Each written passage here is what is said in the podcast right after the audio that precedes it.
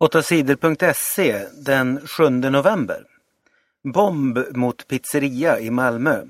En bomb har sprängts vid en pizzeria i Rosengård i Malmö. Det hände på natten till onsdagen. Dörren till pizzerian sprängdes sönder. Poliserna är förvånade över att ingen som bodde i närheten larmade polisen. Larmen kom från människor som bodde över en kilometer bort.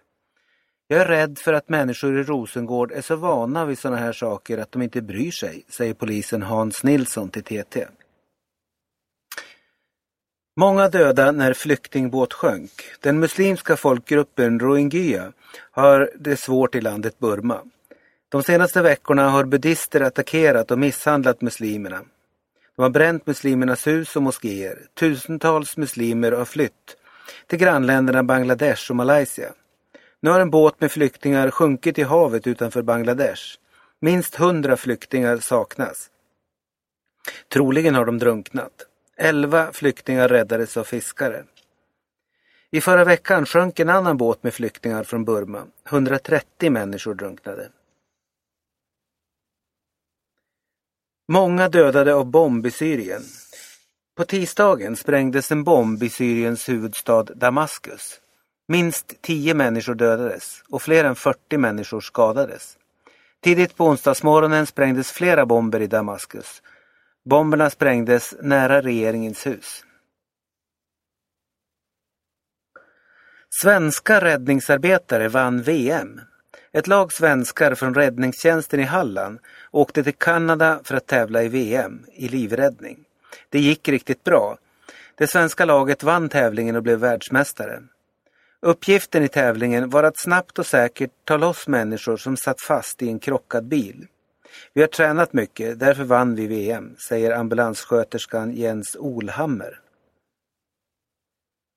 Alla tåg stod stilla i Stockholm. Det blev stopp för alla tåg i Stockholm på tisdag eftermiddag. Tunnelbanetåg, pendeltåg och alla andra tåg stod stilla en stund. Det var ett elfel som gjorde att tågen blev utan ström. Nära 100 000 hus blev också utan elström. Efter omkring 15 minuter kom elen tillbaka och tågen kunde köra igen.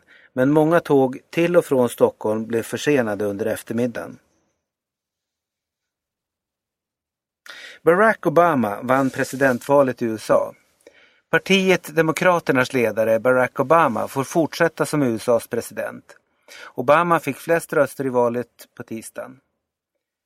Tidigt på onsdagsmorgonen var inte alla röster räknade, men tillräckligt många hade räknats för att se att republikanen Mitt Romney inte skulle kunna vinna. Obama hade vunnit i de viktiga delstater där det var mycket jämnt. Barack Obama har varit USAs president sedan förra valet 2008.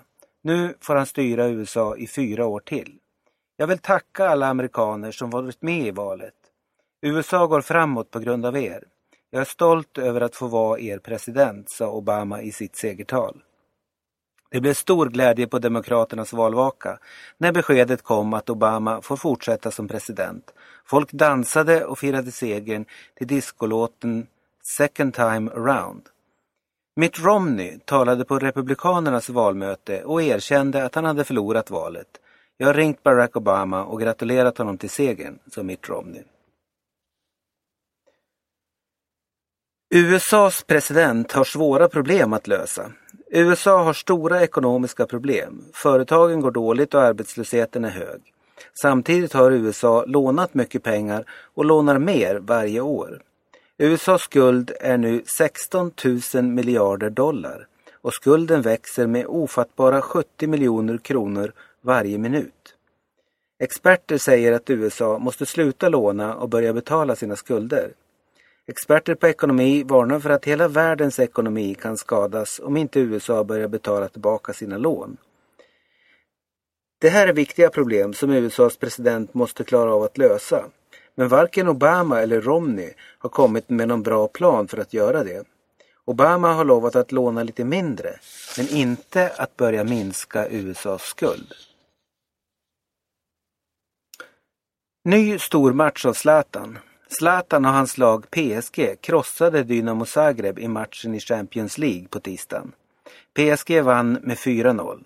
Zlatan gjorde inget mål men var ändå lysande i den här matchen. Zlatan var planens kung. Hans passningar var fantastiska. Zlatan spelade fram till alla fyra målen för PSG.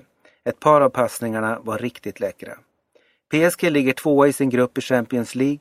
Porto från Portugal är en poäng före PSG.